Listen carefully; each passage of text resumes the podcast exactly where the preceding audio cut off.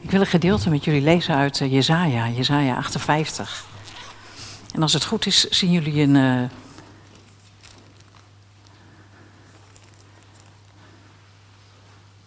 dit is het thema van de preek. Mag ik de volgende, Joran? Kijk.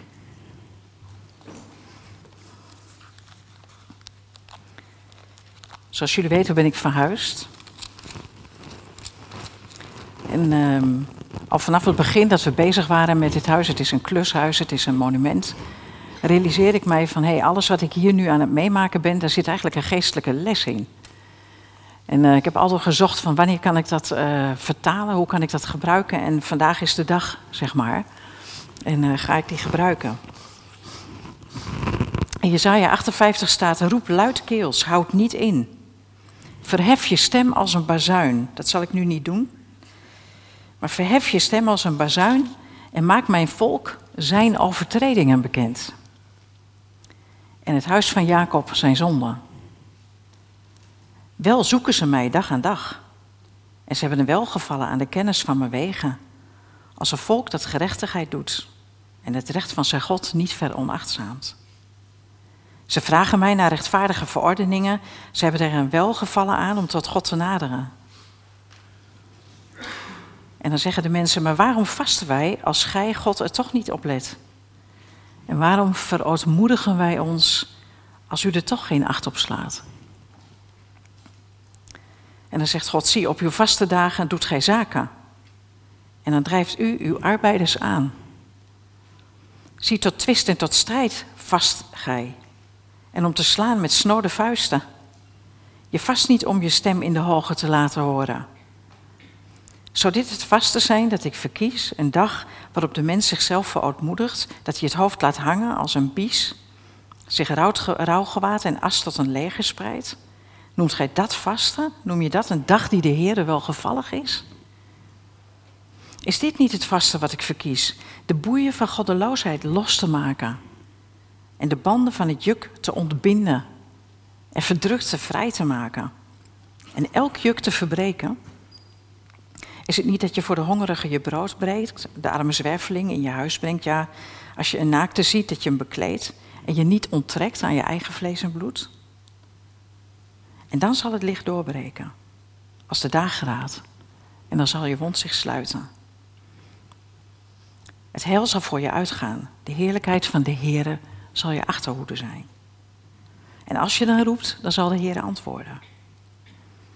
En als je om hulp roept, dan zal Hij zeggen, hier ben ik. Wanneer zul je uit je midden het juk wegdoen? Het wijzen met de vinger? Het spreken van boosheid nalaten? En wanneer je de hongerige schenkt wat je zelf begeert en de verdrukte verzadigt, dan zal dat in de duisternis uw licht opgaan. En in de donkerheid zal het zijn als de middag. En de Heer zal je voortdurend leiden. Hij zal je in dorre streken verzadigen en je gebeente krachtig maken. Dan zul je zijn als een besproeide hof en als een bron, waarvan het water niet teleurstelt. En de uwen zullen de oeroude puinhopen, of de overoude puinhopen, herbouwen. De grondvesten van vorige geslachten zul je herstellen. En men zal jou noemen hersteller van bressen, herbouwer van straten. Als je niet over de Sabbat heen loopt door al je zaken te doen op mijn heilige dag, maar de Sabbat een verlustiging noemt, de heilige dag des Heren van gewicht vindt, en die eerst en die eert door nog je gewone bezigheden te doen, nog jouw zaken te behartigen of ijdele taal uit te slaan, dan zul je je verlustigen in de Heer. En ik zal je doen rijden over de hoogte van de aarde en je doen genieten van het erfdeel van de vader Jacob, want de mond des Heren heeft dit gesproken.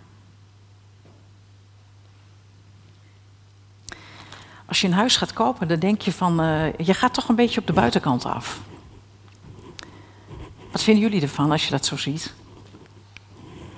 Leuk hè? Toch? Het is wel, is wel groot, het lijkt wel groot, althans uh, stevig in ieder geval. En de buitenkant is best wel heel aantrekkelijk. En als hier de oproep komt van zet je stem zo hoog als een bazuin, hè, begint te roepen als een bazuin over de zonde van mijn volk, Dat is eigenlijk helemaal niet wat je verwacht in de eerste instantie bij dit stuk. Maar daar begint het wel mee. Maar daar begint het eigenlijk met wat wij net gezongen hebben. ze zoeken mij dag aan dag, niet dag, maar dag aan dag. En ze vinden het heel fijn om God te kennen. En ze willen zijn voorschriften willen ze weten. Ze lijken een volk wat gerechtigheid doet. En ze hebben oog voor het recht van God zelfs. Daar hebben wij vaak niet zoveel. Wij hebben vaak oog voor eigen recht. Maar ze lijken zelfs recht van God op het oog te hebben. Met andere woorden, ze lijken heel goed bezig. Ze zijn aan het vasten, ze zijn aan het verootmoedigen. Eigenlijk is die buitenkant is prachtig. Net als dit huis.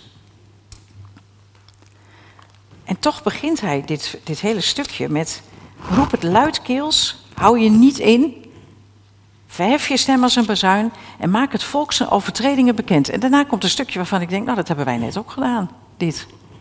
En dan zonder spelfouten. Hè? We hebben ons ook op God gericht. We willen ook graag weten, we willen ook graag die nabijheid hebben. Maar God kijkt nooit alleen maar naar die buitenkant. Mag ik de volgende sheet? Eh, die kijkt een spaatje dieper.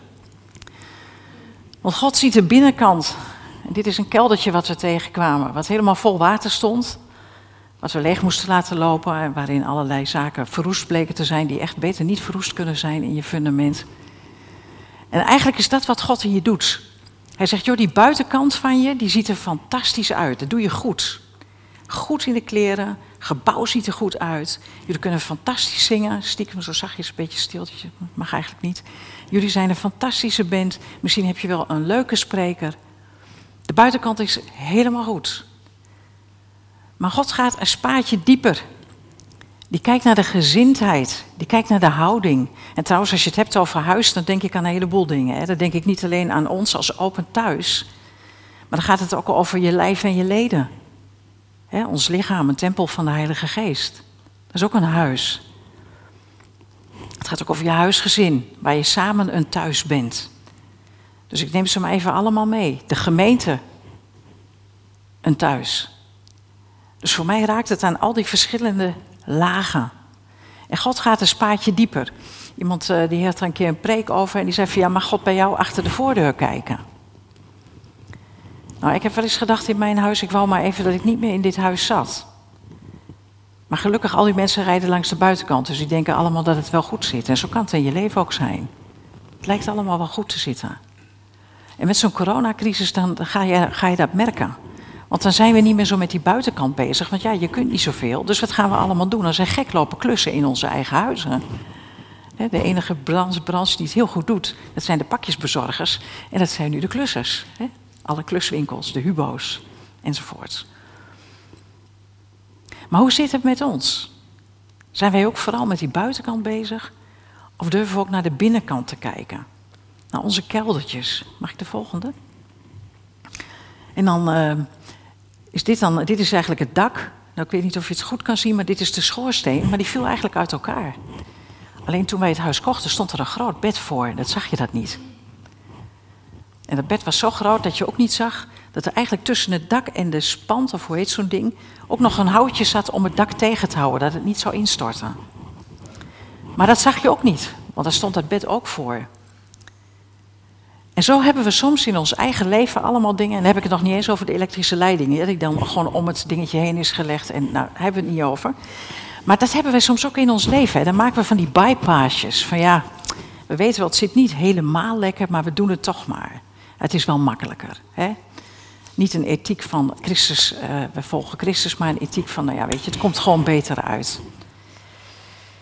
En dan maken we van die bypassjes en dan zetten we daar wat voor en dan ziet niemand dat. En dan is het weer goed. En de Heer God maakt daar korte metten mee. En die zegt ook niet van, joh, beleid heel stilletjes je zonde of zo. Maar die zegt van, joh, ik ga van de daken schreeuwen. Ik laat het door mijn profeet van de daken schreeuwen. Het is niet oké in je leven. Dit is niet oké. We hebben heel vaak tegen elkaar gezegd, dit is niet oké. Maar ja, het is wel ons huis ondertussen. Dus ja, en de eigenaren zijn geëmigreerd naar Turkije. Dus ja, wat doe je dan? Maar mijn huis, mijn huis, mijn lijf, mijn leden, de gemeente, mijn huis, mijn huis, huis, letterlijk stenenhuis, is niet van mij. Uiteindelijk is het van God. En uiteindelijk wil God dat wij daar ons ding aan het doen zijn. En die oproep zit hier ook in. Nou ja, goed. Dat het niet klopt, dat weten jullie ondertussen. Dat zie je denk ik wel. Maar wat er dan niet klopt, dat is soms wel de vraag. Mag wel de volgende, dankjewel. Nou, daar heb ik het net over gehad, hè? dat is de achterkant. En waarom heb ik dat nou gedaan? Heb ik nou zoveel behoefte om dit te laten zien? Nou, eigenlijk niet zoveel behoefte om dit te laten zien, want dit is natuurlijk niet de leuke, mooie kant van het huis. En dit is nog niet eens de allerergste foto. Maar weet je wat God eigenlijk zegt? Jullie verootmoedigen je wel voor mij, wat je gaat zelfs vasten. Jullie lopen met treurige, oh wat ben ik toch aan het vaste hoofd, lopen jullie rond. Oh wat ben ik toch ootmoedig, oh wat ben ik toch nederig. Maar denk me niet dat ik naar je luister, want ik zie dit. Ik zie dat er werk aan de winkel is. Ik zie dat de dingen niet kloppen. En dan ziet hij dat niet op een manier waarop hij zegt, dus zak maar ergens in. Maar hij zegt, joh, daar is dus werk aan de winkel. Er is werk aan de winkel. En dit is wat ik zie en dan kan ik niet wat met jou doen. Ik kan jouw gebed niet verhoren. Ik kan niet met jou verder. Totdat jij deze rotzooi in je huis, in je leven opruimt. En soms zijn het hele kleine dingetjes. Boktorren. Superklein. Ziet ze niet. Je ziet hun wegen wel. Ze zijn heel klein. En soms zijn het hele grote dingen. Dakpannen die er niet zijn, bijvoorbeeld. Maar als ik even de lijn mag doortrekken, soms zijn het hele kleine dingen. Dat je opeens niet meer eraan toe komt om te bidden. Of dat het Bijbellezen niet meer lekker gaat. Of dat je er eigenlijk ook niet meer over praat samen.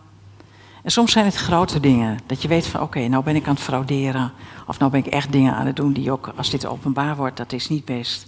En alles wat daartussen zit, zijn allemaal zaken die ons eigen huis niet op orde kunnen laten zijn. Waardoor God zegt van hoe vroom jij je ook voordoet aan de buitenkant. En hoe prachtig het ook is aan de buitenkant. Als de binnenkant niet oké is, dan kan ik niet zoveel met jou. Vannacht sliep ik uh, in een hotelletje. En ik was daar met opzet, ik had nog met Ellie gebeld van, joh, kan ik bij jou slapen van tevoren? En Ellie zei, kan wel, maar ik heb de kleinkinderen. En dan denk ik, ja, dat moet ik maar niet doen, want dan, dan, hè, dan kom je voor oma en dan zit daar een stoorcenter, dat is niet leuk. Maar ik had nog een tweede gedachte. Ik wil ook graag rust. Ik wil eigenlijk lekker op tijd naar bed en slapen. En ik had twee heren naast mij. Dat, ik zeg naast mij, dat was niet zo, maar die sliepen uh, aan de andere kant van het muurtje. En ik weet niet wat ze gedaan hebben, precies allemaal, maar ik heb erg veel wel kunnen horen. En dat begon om negen uur, dus ik vermoed toch dat er iets van pilletjes gepakt zijn. En het ging door tot in ieder geval twee uur vannacht. En ik merkte dat mijn buitenkant, ik ben hier en ik ga morgen preken, heel mooi is. Maar ik werd me toch moorddadig aan de binnenkant, dat wil je niet weten. Op een gegeven moment dacht ik ook echt, of ik was natuurlijk wel aan het bidden. Ik denk, wat moet ik hier nou mee? Maar ik zou eigenlijk, ik wil, wil stampen tegen die muur. Ik wil bij elke boer die ik hoor, wil ik ook wat uh, geluid gaan maken. Ik wil heel hard preken op gaan zetten. Uh, ik wil gewoon... Maar eigenlijk wilde ik ze gewoon terugpakken. En het werd er naarmate de tijd vorderde niet beter op. Totdat ik me realiseerde, van waar maak je me nou eigenlijk zo druk over? Ja, ik wil zo graag een goede preek preken morgen. En als ik dan heel moe ben, dan komt het misschien niet over. En misschien ben ik dan wel niet zo consistent. Dus was ik nou met die zielen van die heren bezig? Of was ik nou met mijn performance bezig? En ik realiseerde mij, verhip, verhip, heer, wat, wat, een akelige manier om mij weer dingen te leren. Uh, moet ik er dan altijd doorheen? ja, blijkbaar wel. Want de buitenkant leek wel op orde. Maar de binnenkant was, uh, nou, op zijn zachtst gezegd, niet erg genadig. Ik heb eh, van wc-papier propjes gemaakt om twee uur s'nachts met water. En uiteindelijk ben ik in slaap gevallen. Maar ik dacht wel, tja, dit is wel eigenlijk precies waar de preek over gaat.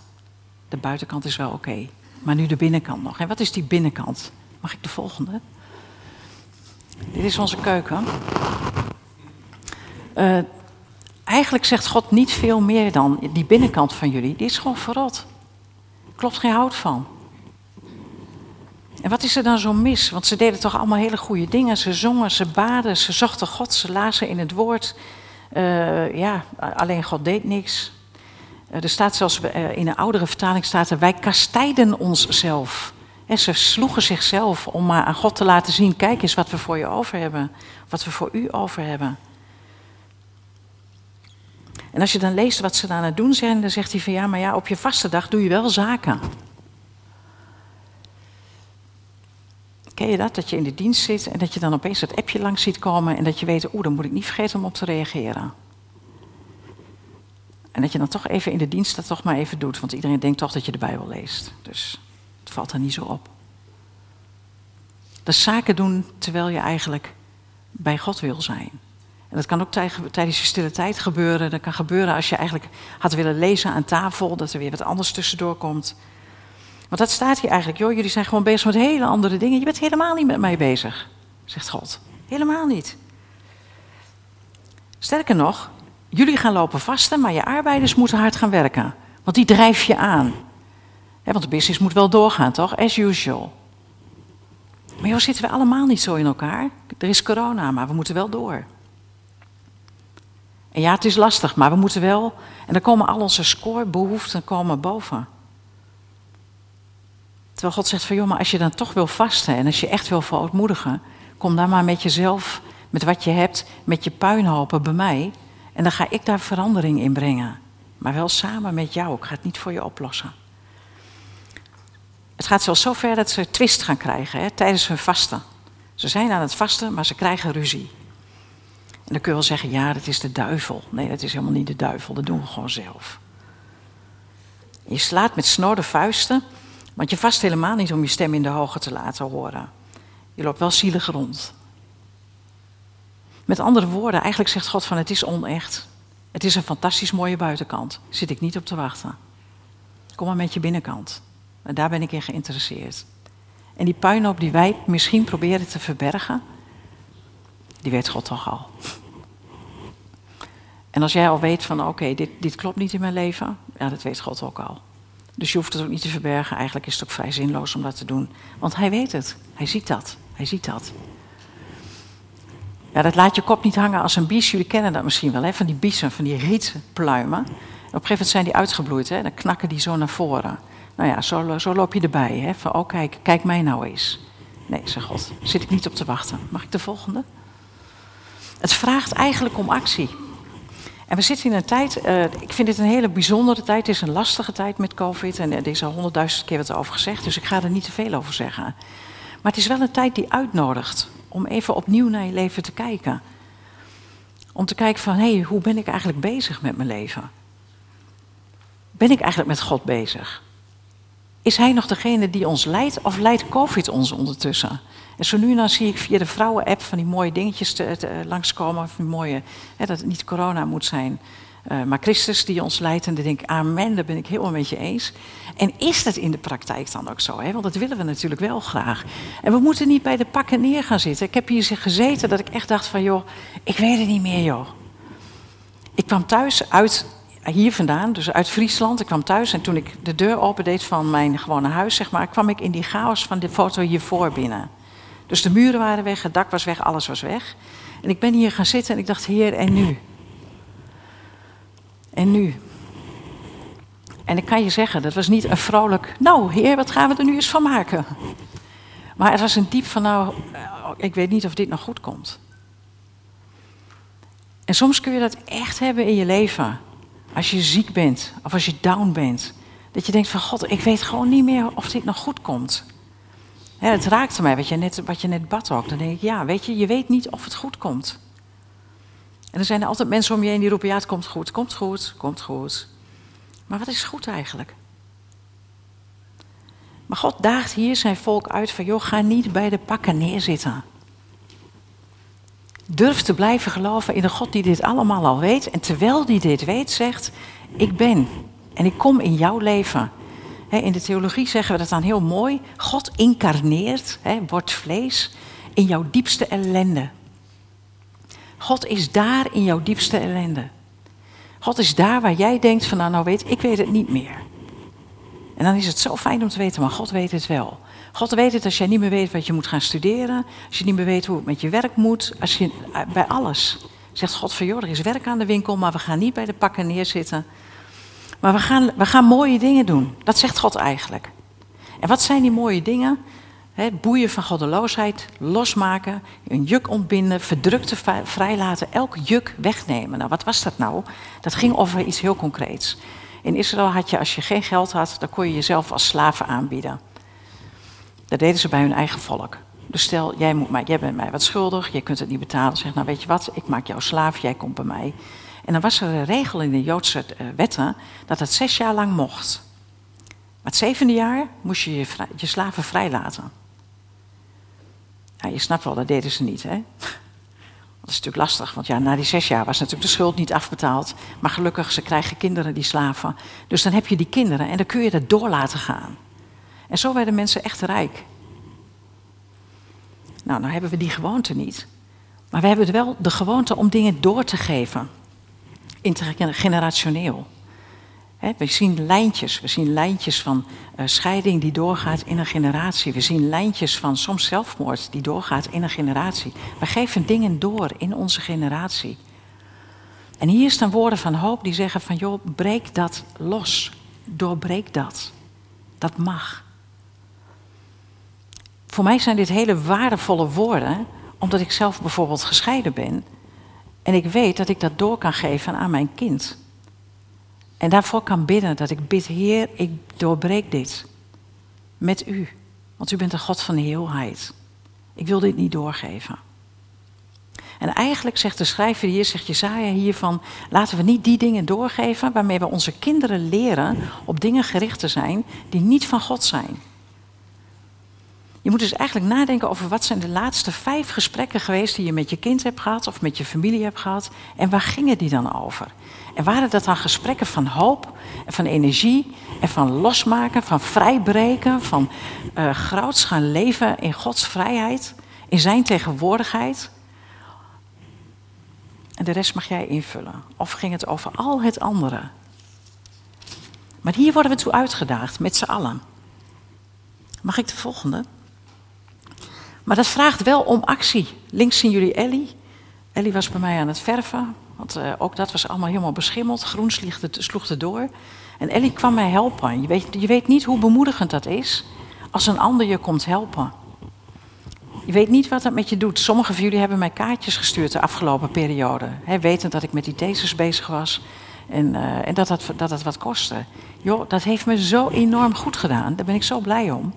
Gewoon dat stukje dat je voelt van hé, hey, je bent met elkaar, je bent samen. Je bent die strijd, hè, mijn ouders zelfs, 80 jaar, het is toch niet te geloven. Uh, met andere woorden, je bent met dat hele huis, ben je betrokken bij het huis op orde brengen. Daar mag corona eigenlijk niks aan afdoen. Ik zeg niet dat jullie met z'n allen moeten komen, hè, dat zeg ik niet, begrijp mij niet verkeerd. Maar het betekent wel dat als er dingen zijn in mijn leven die niet kloppen, dat ik die moet gaan vertellen. Het is altijd heel fijn als je dat als spreker mag gaan doen. Vooral als het net vers van de pers is, van de nacht daarvoor. Want dan denk ik, ja, het is maar weer open. Fijn. Dan is voor mij de prik er ook af. Maar hoe vaak houden we dingen gewoon maar voor onszelf? Ah ja joh, dan ga ik de ander niet meer lastigvallen. Dan val je partner toch niet meer lastig. Dan val je kinderen niet meer lastig. Dan val je de kerk niet meer lastig. Ja, dan val je de gemeenschap niet meer lastig. Nou ja, uiteindelijk, wie val je er dan mee lastig dan? Maar eigenlijk bedoelen we, het voelt zo kwetsbaar om dat te vertellen. Want het is natuurlijk wel balen, want ik lag natuurlijk ook liever in bed al prijzend en halleluja zingend en glorievol. Het liefst sliep ik trouwens gewoon. Maar snap je wat ik bedoel? We zijn vaak zo met allerlei andere dingen bezig. En we zijn vaak zo in ons eentje daarmee bezig. Iemand bad net voor de alleengaande ouders. Dankjewel voor de gift die eh, Powerparent van jullie heeft gehad. Het was bijna 100, 100 euro, dus daar waren we heel blij mee. En Powerparent is niet doorgegaan hè, door uh, corona en is uitgesteld naar april. Mensen die zaten te huilen aan de telefoon toen we belden. Van het gaat niet door jongens. Het was echt verschrikkelijk moeilijk om die keuze te maken. Maar ik wist wel, wij houden het huis niet op orde als we het wel doen, als we het wel door laten gaan. Want ik kan niet op anderhalve meter afstand blijven van iemand die huilt. En ik kan niet op anderhalve meter afstand een zegen over iemand uitbidden. Ik vind dat moeilijk. En ze gaan het zelf ook niet doen. En dat zeiden ze ook. Dus we hebben een keuze gemaakt en we bidden dat het in april wel doorgaat. Maar ik ben zo blij dat we ondertussen die lijntjes hebben. Dat mensen het weten. Dat je er met elkaar voor aan het bidden bent. Bid voor die alleengaande. Hè. Die komt al in de kerk, die mag al naast niemand zitten. Die is al eenzaam. En die gaat daarna weer naar huis, want het is niet de bedoeling dat hij gaat praten met iemand. Dus die gaat weer naar huis en zit daar weer in eenzaamheid. We denken er vaak niet over na. Dit is het vaste wat ik verkies. De boeien van goddeloosheid losmaken, de banden van het juk te ontbinden, verdrukte vrij te laten, elk juk te verbreken, de hongerige je brood geven. Weet je, ik gaf gisteren ethiek. In, uh, ik geef les voor het Evangelisch College in Meppel. Uh, en we hadden het over waar laten wij ons door leiden. En toen zei iemand, ja, het is zo mooi dat onze Nederlandse maatschappij gebaseerd is op de ethiek van het christendom. Ik zei, joh, vertel. Nou, hè, van wat jij niet wil dat jou geschiet, doe jij dat ook een ander niet. Staat in de Bijbel. Ik zei, weet je, dat staat niet in de Bijbel. Wat staat er wel in de Bijbel? Weten jullie dat? Wat jij wil dat jou geschiet, doe jij dat ook aan de ander. Joh, de wereld, Satan, heeft van het geloof iets heel benepens gemaakt. Hè? Wat jij niet wil, doe jij dat ook niet. Ja, maar dat staat er niet. Er staat, wat jij graag zou willen, doe dat ook een ander. Doe dat ook een ander. Dus dat betekent in mijn geval, toen ik de vraag kreeg van zou je alsjeblieft willen komen verven bij mij door een alleengaande moeder met kanker, dat mijn eerste gedachte was van oh jongens, alsof ik zelf niets te doen heb joh, thuis. En mijn tweede gedachte was van wat zou ik dit heerlijk vinden als. Dus we gaan twee dagen verven volgende week in Hengelo bij iemand die niemand heeft. Alleen dat vind ik al heel erg, dat je dus christen bent en niemand hebt. Ja, want je bent alleengaande ouder. En je hebt dus geen verbinding. En je hebt kanker en je ziet er raar uit, dus ja, je durft eigenlijk niet. Weet je, hoe vreselijk is dat? Dat is wat hier staat. Joh, ga, naar die, ga naar diegene die honger heeft. Ga naar diegene die geen kleding heeft. Dus zwerft hier nog ergens een zwart rokje van mij rond. Mocht je dat in bezit hebben, ik zou dat graag terug willen hebben. um, maar, maar met andere woorden, deel, deel je leven. God is een God van relatie. God is niet degene die zegt: Ik wil dat er een grote kerk staat. Uh, ik wil dat er een mooi beeld staat van, uh, van Maria als vrouwelijke ouderling. He, of uh, of van Nico, nadat hij gestopt is, komt er een heel mooi beeld van jou voor de kerk. Nee, daar gaat het God niet om. God gaat het om die relatie. Misschien heeft God nog wel meer met Nico nu, omdat hij veel meer tijd heeft voor relatie. Daar gaat het God om. Maar het is niet alleen maar van ons naar God toe. He, dat, dat lijntje, dat, soms hebben we dat wel. Maar het is ook dit lijntje, hè? met elkaar, samen. Oké, dankjewel. Dus het vraagt om actie, samen in actie komen. Mag ik de volgende? Dus wat gaan we doen? Brood breken. Zwervers in je huis nemen. Kleding geven waar nodig. Vind ik altijd heel ontroerend als jullie hier die doos hebben staan en mensen geven hun letterlijke collecte aan spullen. Joh, mensen kikkeren daar zo verschrikkelijk van op als ze dat krijgen. Dat weet je niet half. Maar het is ook de zorg voor jouw volk. En dit is geschreven aan Israël. Ze mogen dus niet hun eigen mensen lopen misbruiken. Maar kijk eens naar jezelf. Joh. Hoe gaan jij om met andere gemeenteleden? Zijn we er voor ze als ze ons nodig hebben? He, willen we er dan zijn? En hebben we dat door? Of zijn we zo met ons eigen wereldje bezig, wat natuurlijk heel druk is en heel belangrijk, dat we die verbinding met die ander gewoon missen? Ja, dat zou gewoon heel jammer zijn. En waarom? Waarom? Als je dit allemaal doet, dat zegt God eigenlijk, hè? Yo, als je zo gaat leven, dan gebeurt er wat. En wat gebeurt er dan? Mag ik de volgende? Dan gebeurt er wat. De IJssel. Het licht breekt door. Het licht breekt door. Staat heel mooi, hè? Het heil aan de ene kant, aan de voorkant. Gods heil gaat voor je uit, maar ook, en Gods heil is ook achter jou. Denk even aan toen het volk uittrok hè, uit Egypte. Dan was die wolkolom was daar. En soms ging die wolkolom voor ze uit. Maar als er dan rampen achter hun gebeurden, dan ging de wolkolom achter hun. Hè, ter bescherming. Denk aan Psalm 139. En God omgeeft jou van achteren en van voren. Er gebeurt wat. Als jij dit durft te gaan doen, je eigen leven even blootleggen en laten zien van, joh, dit is het. Dit is het, niet meer dan dit. Dan gaat God dingen doen in je leven. Niet alleen in jouw leven persoonlijk, maar ook in je leven in de gemeente. Dan is dit niet meer de gemeente, het gebouw binnen de kerk, waarvan iedereen zegt, ja, dat mis ik zo, dat mis ik zo. Maar jongens, het mag toch niet zo zijn dat gemeente zijn betekent alleen maar dat uurtje hier of die twee uurtjes hier. Gemeente zijn is ook alles wat er nog omheen gebeurt. Dus misschien wel veel meer jouw thuis, jouw eigen thuis. En dan komt het allemaal op orde. Hè? Jouw leven komt op orde. Uh, je leven thuis komt op orde. En het leven in de gemeente komt op orde. Je gebrokenheid geneest. Dat is gewoon een belofte die hierin staat. Die mag je gewoon pakken. En de mensen die hier gebrokenheid in hun leven mee hebben gemaakt, weten dat het waar is. God geneest. God geneest. Maar je kunt niet genezen als je alle puinhoop vasthoudt. Dan lag mijn tuin nog drie keer zo vol met alles wat we er daarna nog meer uit hebben gegooid. En dan had ik er nooit in gezeten. Met andere woorden, als je dat, als je dat gaat doen in je leven, dan gebeurt er wat. Hè? Dan ga je ruimte creëren. Ruimte voor andere dingen. En dan gaat God dat doen. En die gaat je zegenen. En die gaat jou in de, in de diepte gaat hij je zegenen. Niet omdat jij dat doet om maar die zegen te krijgen. Hè, wat laatst iemand zei ja, ik geef heel veel meer dan mijn tienden, want dan krijg ik ook meer zegen. Ja, God is geen Sinterklaas, jongens.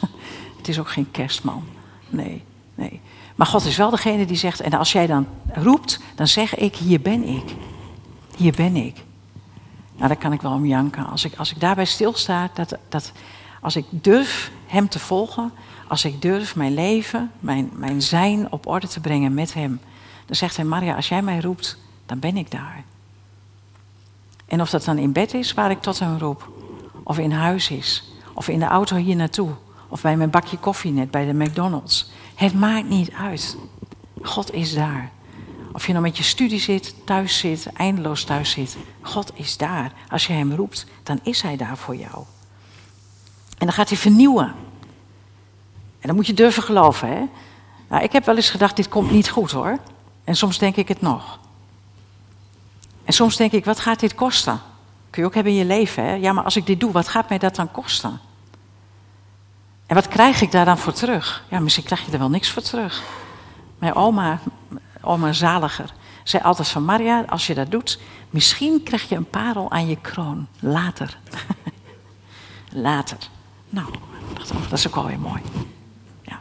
Mag God gaan vernieuwen in je leven? Mag ik de volgende? Want er staat wel wat, hè?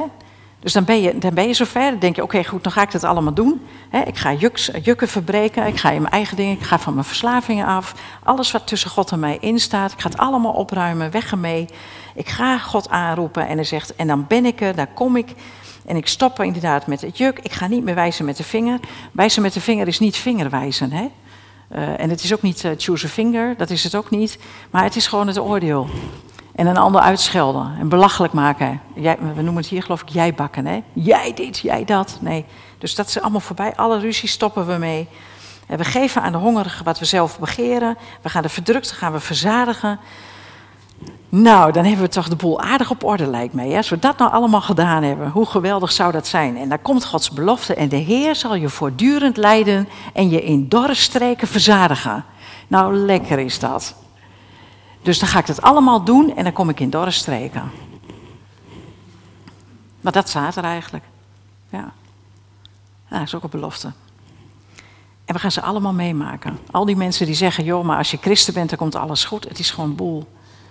Als je christen bent, ga je in, in dorre streken komen. Maar je weet dit wel zeker. Je weet zeker dat Hij in die dorre streek met ons meegaat. En dat Hij ons gaat verzadigen. En dat Hij die dorre beentjes krachtig gaat maken. Dat we niet moede en niet mat zullen zijn. Ik heb het vanavond, vannacht liggen proclameren. En dan mogen we zijn als een besproeide hof. Heerlijk, zo'n tuin met zo'n mooie sproeier en al dat mooie groene gras en die mooie bloemen. Zo mag jij dan zijn. En het bron uit jouw water, of het water uit jouw bron, dat zal nooit meer ophouden. Dat blijft borrelen, dat blijft gaan. Je zult niet teleurstellen. Waarom niet? Omdat God niet teleurstelt. Omdat Hij met jou in jouw leven doorgaat. En dan zullen we de, de oeroude, overoude puinhopen zullen we herbouwen. We zullen de grondvesten herstellen. En dan worden wij genoemd de herstellers van Bressen. Nou, dit ging in de eerste instantie over de tempel. Die zal worden herbouwd. En daar zien we nog naar uit. Gaat nog een keer gebeuren. Maar wij worden de herstellers van de Bressen, de herbouwers van de straten. Mag ik de volgende? Want we gaan herstel brengen, jongens. We gaan herstel brengen. In, God gaat dat doen in jouw leven, maar je mag het ook doorgeven. Ook aan andere mensen. En die hebben dat nodig. En eigenlijk had ik maar tot 13, vers 13 voorbereid. Want daarna kwam dat stukje over de Sabbat. En ik ben niet zo van de Sabbat. Dus ik, uh, ik dacht van nou heer, ik denk dat dit wel goed is zo. Maar het was niet goed. Ik kreeg daar onrust over. Ik dacht, ik ga dat toch erbij betrekken. Want in wezen gaat het, gaat mij niet om de koopzondag, hè? dat weten jullie van mij. Daar gaat het mij niet om. Maar waar het mij wel om gaat is, zijn we bereid om ons te verlustigen in Hem en met al die blokjes en brokjes van ons leven bij Hem te komen en te zeggen, nou God, dit is het dan. Het is wat het is. En God is van de recycling, hè? Die gaat hergebruiken. Die gaat jou hergebruiken. We hebben al die steentjes hoogstpersoonlijk afgekapt, want we moesten ze hergebruiken om een muurtje te bouwen. En nu ben ik heel blij met dat muurtje. Ik weet precies welk steentje waar zit. En zo is het ook, kan het ook in je leven zijn. Dat je weet van ja, maar daar zit een fikse breuk. En daar ging het mis. En daar had ik nog wel wat af te krabben hier met u. Maar gelukkig was daar uw genade. En die gaf een fundament, daar kon niks tegenop. En gelukkig kon de puin op, kon in die kelder. Weg. Niet alleen voor het oog, maar ook echt weg. Afgedekt. Bij ons door een plaat. In het echt. Met Gods bloed. Christus bloed voor ons gestorven. Die alles voor ons vergeven, gedragen heeft. Alles laten medewerken ten goede. We zeggen dat we dat geloven. Maar als er echt shit in je leven gebeurt, geloof je dat dan nog? En als er echt wat gebeurt in het leven van een ander, waarvan je denkt, hé, hey, maar dit is toch echt zonde, dit kan niet.